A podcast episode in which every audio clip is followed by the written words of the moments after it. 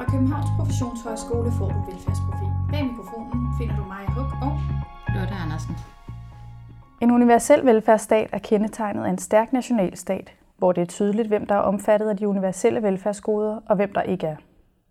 Derfor udfordres den traditionelle velfærdsstat i et senmoderne samfund, præget af øget globalisering og migration, hvor det ikke længere er helt så entydigt, hvem der er omfattet af velfærdsstatens goder og hvem der ikke er. Verden og Danmark er kendetegnet ved det paradoks, at vi oplever en stigende velstand, højnet uddannelsesniveau og bedre behandlingsmuligheder inden for sundhedsområdet, men samtidig også øget ulighed, migration og polarisering. I dag taler vi med Anders Ladekarl, generalsekretær for Røde Kors i Danmark, for at høre, hvordan han forstår den danske velfærdsstat og dens rolle anno 2020. Velkommen, Anders. Tak. Tror du på den danske velfærdsstat? Jeg tror, den danske velfærdsstat har haft sin tid og snart vil rinde ud som en universel velfærdsstat. Jeg tror, den vil blive udfordret øh, ikke bare til kanten, men ud over kanten af manglende lyst til at betale mere i skat, end vi gør i dag. Den øh, demografiske udfordring øh, med flere ældre, flere unge og færre til at dække de udgifter, der er forbundet med at vedligeholde deres behov. Og endelig af en åben økonomi, som vil i stigende grad være afhængig af, at vi kan migrere arbejdskraft ind i vores samfund. Så det, at alle har ret til de samme ydelser, bliver svært at opretholde i et fremtidigt samfund. Så en udvikling af velfærdsstaten. Spiller den frivillige sektor en særlig rolle? Den frivillige sektor spiller en stigende rolle, øh, først og fremmest i øh, sammenhængskraften, Øh, først og fremmest i løsningen af de ting, som ligger i udkanten af velfærdssamfundet.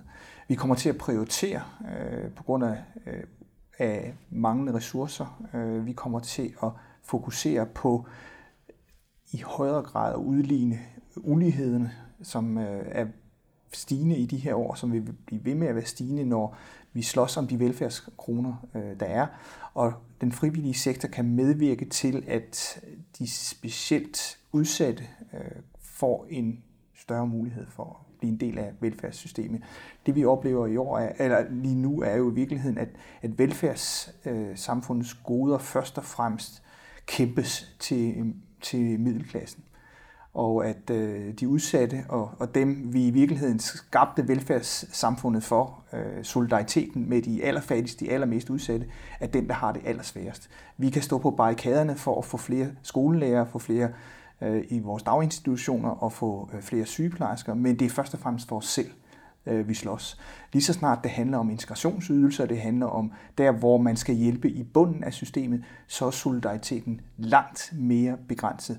Og det hænger for mig at se også sammen med, at man har fået blandet velfærdskampen med øh, migration og flygtningediskussionen.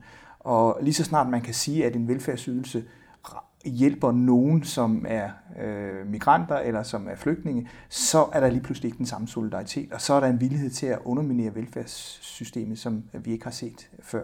Så, så det, at, at, at velfærdsdiskussionen også er blevet en migrationsdiskussion og blevet en flygtningediskussion, gør i virkeligheden, at solidariteten går fløjten øh, i, i mange sammenhænge. Og dermed bliver det en, en virkelighed en kamp mellem øh, middelklassen og, øh, og dem, som virkelig ikke rigtig selv kan kæmpe, øh, nemlig migranter og, og dem, der er allermest isoleret i vores samfund.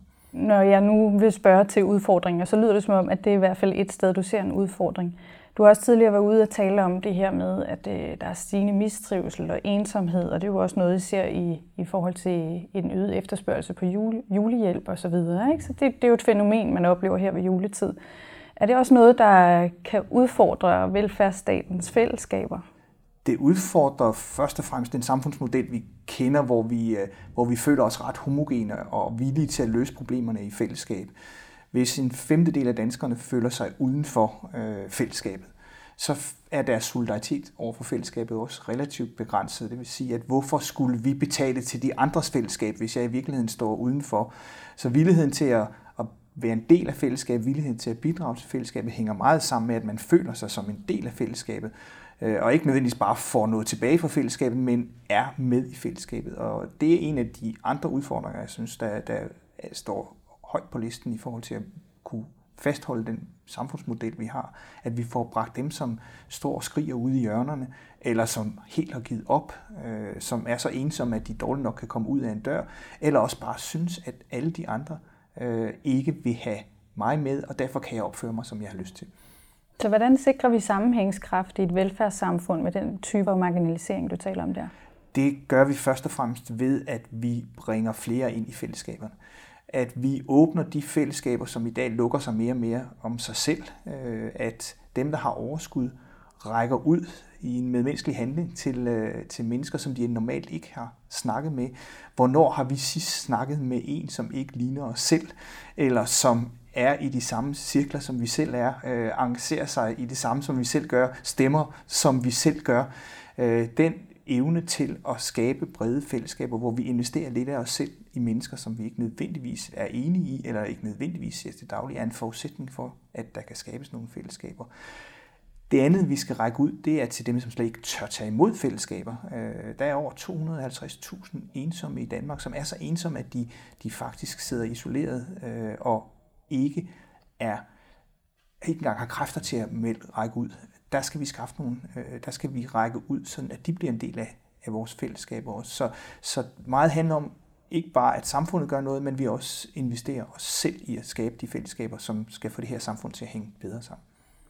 Så altså en række udfordringer for velfærdssamfundet er nu 2020. Er der også øh, potentialer? Jamen, der er masser af potentialer i, at vi hver især engagerer os mere. Altså frivilligheden kan nogle ting i forhold til at, og bridge nogle af de udfordringer, velfærdssamfundet også har. Vi har i Røde Kors fokuseret meget på, at frivillighed kan noget i overgangsfaser, som er så vanskelige at få til at hænge sammen for velfærdssamfundet. Det er svært for, for, for folk at komme ud af fængslet og få den normal tilværelse igen. Det er svært for ældre, der kommer hjem fra hospitalet uden at have nogen der venter derhjemme. Det er svært for, for møder, som ikke lige var klar til at blive møder og komme i gang med at være møder. Der kan det frivillige, der kan, der kan, der kan vi skabe en sammenhængskraft, som øh, ikke er set før. Der er en kæmpe potentiale, når 60% af danskerne siger, at de faktisk gerne vil lave frivilligt socialt arbejde, men kun 40% gør det. Så har vi altså øh, så har vi 20%, vi kan spørge, som i princippet og ind i hovedet har sagt, det vil de gerne, men måske ikke bare har fundet den måde at gøre det på. Så der er en masse potentiale stadigvæk i civilsamfundet på nogle af de opgaver, som civilsamfundet har, eller som velfærdssamfundet har svært ved at løse i dag, og som måske også på nogle områder kommer til at erstatte det betalte velfærdssamfund, vi kommer i dag, fordi vores villighed til at fortsætte med at betale for alt bare ikke er til stede. Så hvad skal der til for, at vi som individer i et velfærdssamfund tager det ansvar? Vi skal spørge hinanden. Vi ved, at, øh, at det at engagere sig er tæt forbundet med at blive spurgt. Øh, vi kan lave nok så mange fine reklamekampagner, og, og ministre kan sige det ene og det andet om, hvor vigtigt det er, at civilsamfundet er engageret, og vi selv engagerer os. Men det vi skal, det er prikkes på skulderen. Og vi skal blive bedre til at prikke hinanden på, på skulderen og i fællesskab gøre noget. Og med det øh, vil jeg sige tak, fordi du vil dele dine perspektiver med os. Det var en fornøjelse.